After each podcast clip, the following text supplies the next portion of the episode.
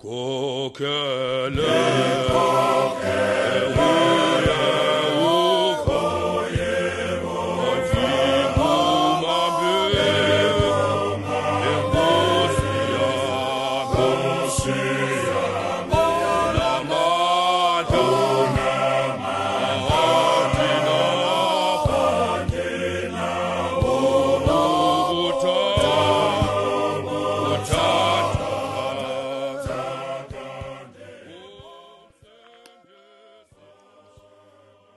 Ngalomhla wenkosi imini yesabatha masondele kwiliwa lokusindiswa kwethu ngamazwi kaDavide kulandwemiso yekhulu elinesithathu. uYehova umenzi wemisebenzi yobulungisa unemfesane enobobalo uYehova uzeka kade umsindo omkhulu ngenceba akawugcini umsindo ngonaphakade akenze ukuthi ngokwezizono zethu akasiphathi ngokobugwenxa bethu. Ngokuba injengokuphakama kwezulu phezu komhlaba ukuba namandla inceba yakhe kwabamoyikayo kunjengokuba kude kwempumalanga entshonalanga kungalukhwelelisa ukulukhwelelisa kwakhe kuthi uqweqo lethu. Kule cawa yokuqala kule nyanga yedwarha inyanga kaOktoba mandiwenze umboliso ndingumfundisi makhalima kwirhamente yonke yasepretoria central nebandla lonke likakrestu egameni loyise lonyana nomoya oyingcwele. Amen. Ekubeni sifuna ubuso bukathixo ndawucela ke nithandaze kunye nam masithandazeni. Nangale mini nkosi udumo uzuko amandla nobungcwalisa bobakho. Akukho nanye into ethe yabakhona ingakhange ibekho ngawe. Ulawula wena ezulwini phezulu nasemhlabeni phantsi nasemanzini aphantsi komhlaba. Siwa Yehova ngobuso phambi kwakho ngalomhla wecawa sivuma ukuba sikonile kokudela imfundiso zezwi lakho. Kwade bekumele sikwenze asakwenza senza kanye oko okunxamnye nemfundiso yelizwi lakho. Buya nkosi usamkele noxa sonile nje. Kuba ngaphandle kwakho akho bomi nakuphila kuthi. Xa lizawuthethwa ilizwi lakho sinike bawo indlebe zikamoya ukuze sikuqiqe oko kuthethwa lelizwi lakho. Singanele nje nkosi ukuva siqiqe. Ngokukuthi ngokukhokhelwa ngumoya oyingcwele. Siphile ubomi bethu kwekwemfundiso zezwi lakho. Yenza ke bawo siyakhunga ukuba kuthi ngentlalo yethu sibe ngumzekelo ngokucinga ngokuthetha nangokwenza ngoku nakonaphakade amen. Isifundo sethu sale mini sifumaneka phaya kulavangeli kaluka uchapter 23 sifunde ke kusuka kuverse 32 ukuya kuverse 38 amazwi afundeka ngolu hlobo. Two other men both criminals were also led out with him to be executed. When they came to the place called the skull there they crucified him along with the criminals. One on his right the other on his left jesus said Father, forgive them, for they do not know what they are doing. And they divided up his clothes by casting lots. The people stood watching, and the rulers even sneered at him. They said, He saved others, let him save himself, if he is the Christ of God, the chosen one. The soldiers also came up and mocked him. They offered him wine vinegar and said, if you are the king of the Jews, save yourself. There was a written notice above him which read, This is the king of the Jews. Siphele ke apho isifundo sethu udimise malubekho kuyise nakunyana nakumoya oyingcwele njengoko bekunjalo ekuqalekeni kunjalo nakaloku nje kwakuya kuba njalo kude kube kunaphakade amen. Mandinimeme kwakhona namhlanje ukuba khe sireflekthe kunye kulamxholo othi kukho uloyiso okanye kukho amandla ekuxoleleni. There is victory or there is power in forgiveness. Umxholo lona osekelwe phaya kuverse 34 kumazwi athi wathi ke uyesu bawo baxolele kuba abayazi into abayenzayo. Father forgive them for they do not know what they are doing. Manditsho ke rhamente ethandiweyo kuthixo kusasa nje. Ndithi umyalezo walamhlanje wakhela phezu kwalowo wecawa edlulileyo. Uyesu ngeli xesha ujinga emnqamlezweni ngenxa yenqumbo nentiyo engumangaliso evela kwabo abangabakhe. Iinkokheli zebandla mhlawumbe ngokwelangweji yethu yanamhlanje okanye iinkokheli zenkolo yamayuda ngokwexesha ke lokuphila kwakhe.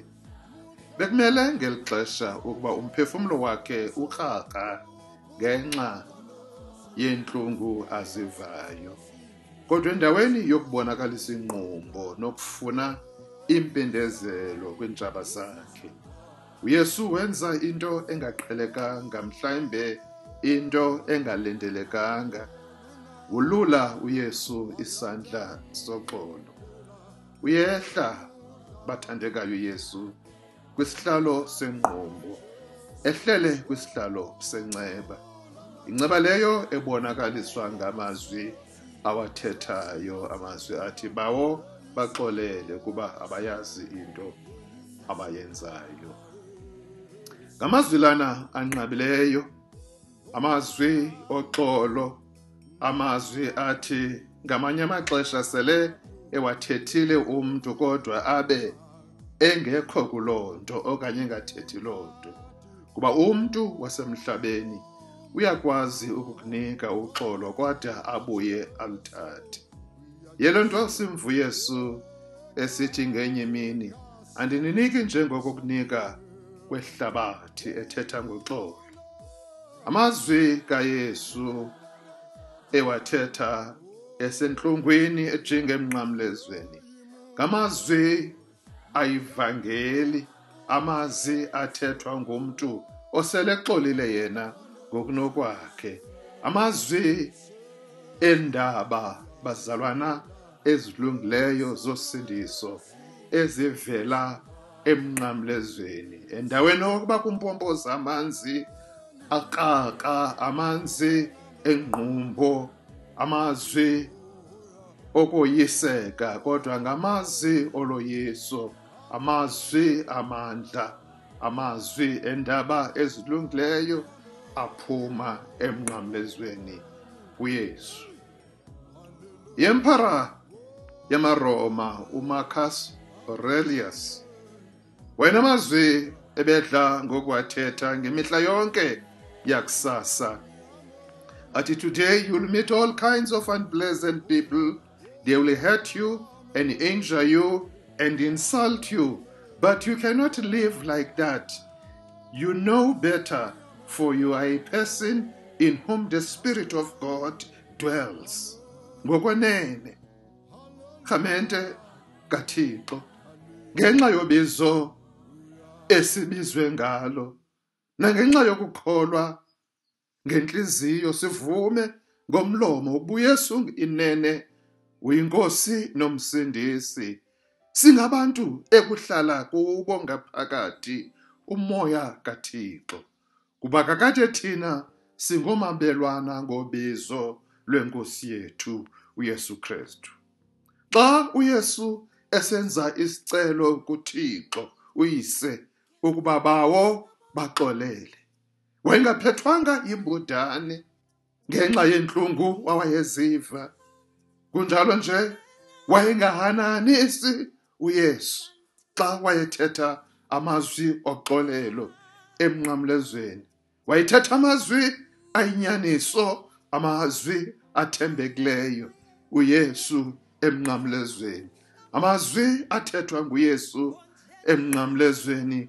Amazwi oxolelo at the heart of the gospel. Ngamazwi ayingxam ayinhliziyo yevangeli yosindiso esiyishumayelayo imihla ngemihlo. Kuyo le petition ayenzayo uyesu kuyise kumi iziseko zenkolo yobuKristu inkolo yokubuyisana inkolo yereconciliation inkoyo inkolo yerestoration ebendithetha ngayo kwicawa edlulileyo.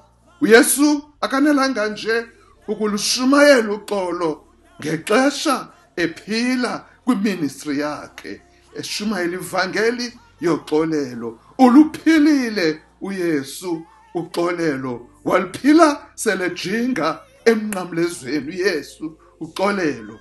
Uxolelo lafezwa ukutsho oko emnqamlezweni ukuze kuzaliseke idinga likathixo lokuthi zonke intlanga zonke izizwe zizuza usindiso. Uxolelo asiyonto ezenzekalayo nje kokokuthanda kwethu lafezwa uxolelo emnqamlezweni. Laphuphuma uxolelo lusiza kuthi njengosindiso emnqamlezweni. Ukungabi naxolo kungakhokhelela ekwahlukaneni.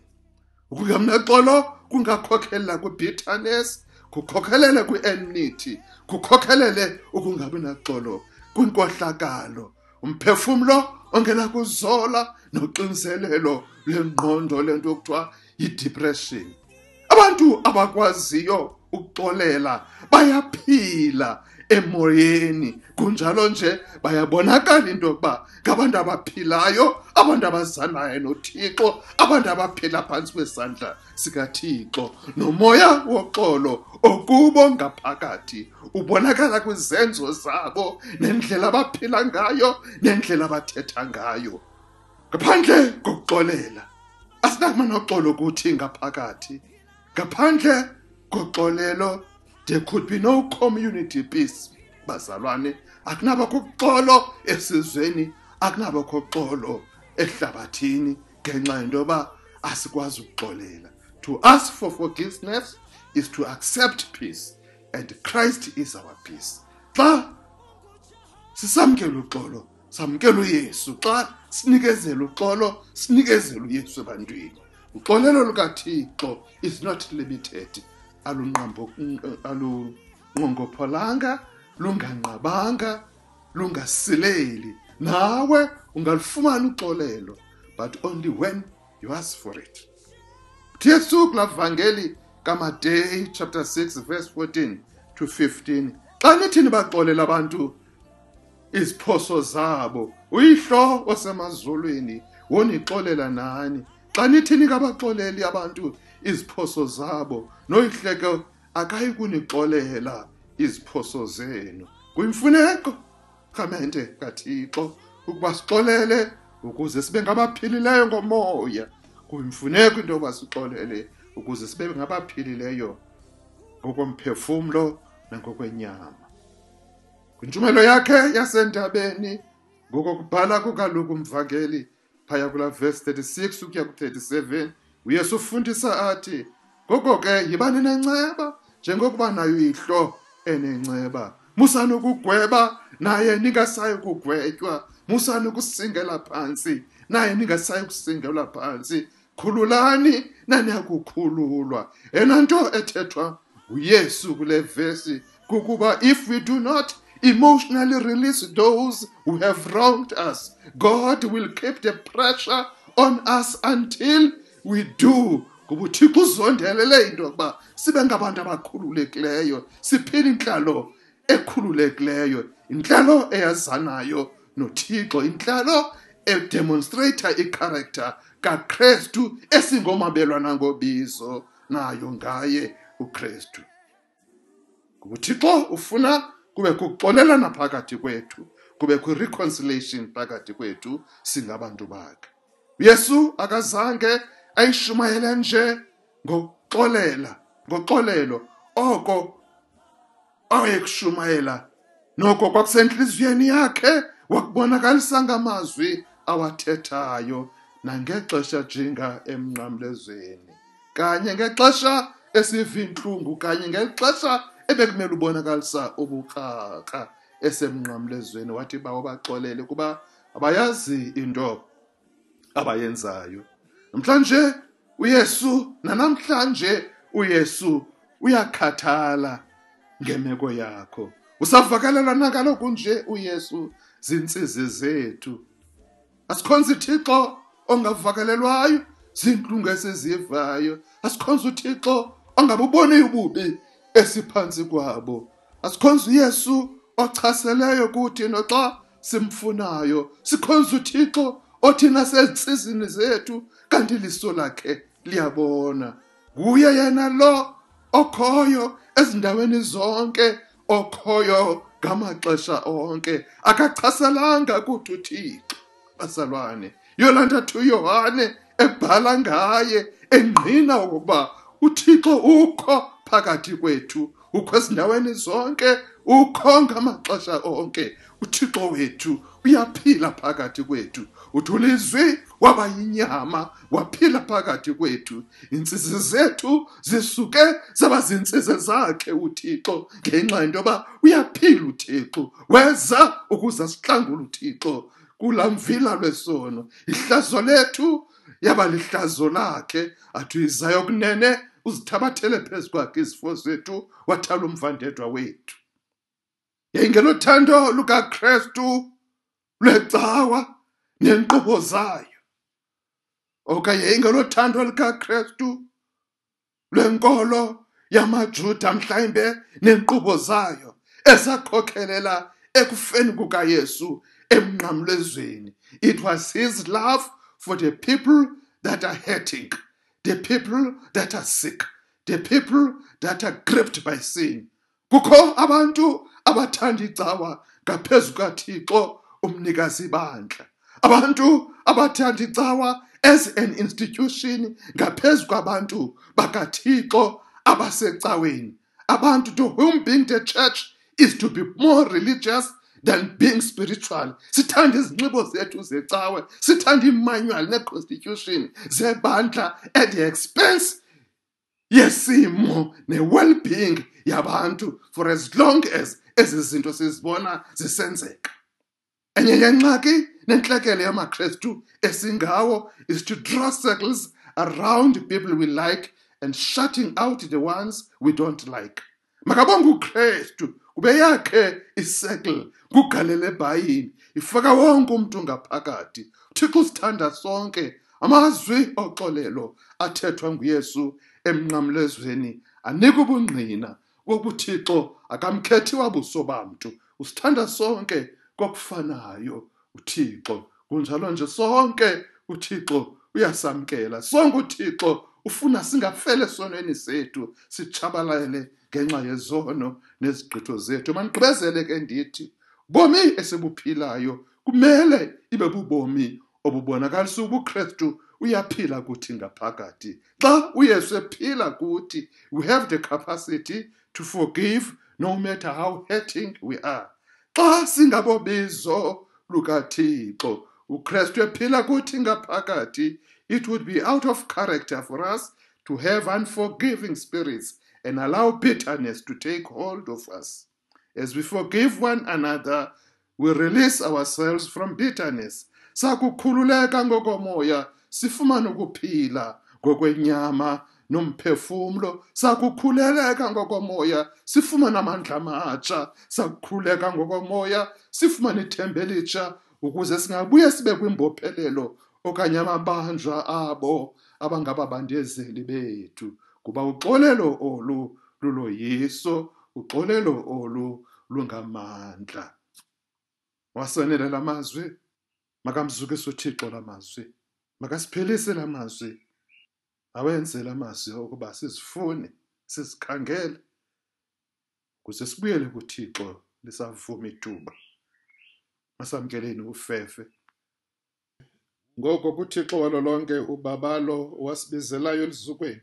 lwakhe olungunaphakade sekukrestu yesu. Makubekho uzuko namandla kuse emaphakadeni asemaphakadeni amen. Hallelujah, yes, in Hallelujah.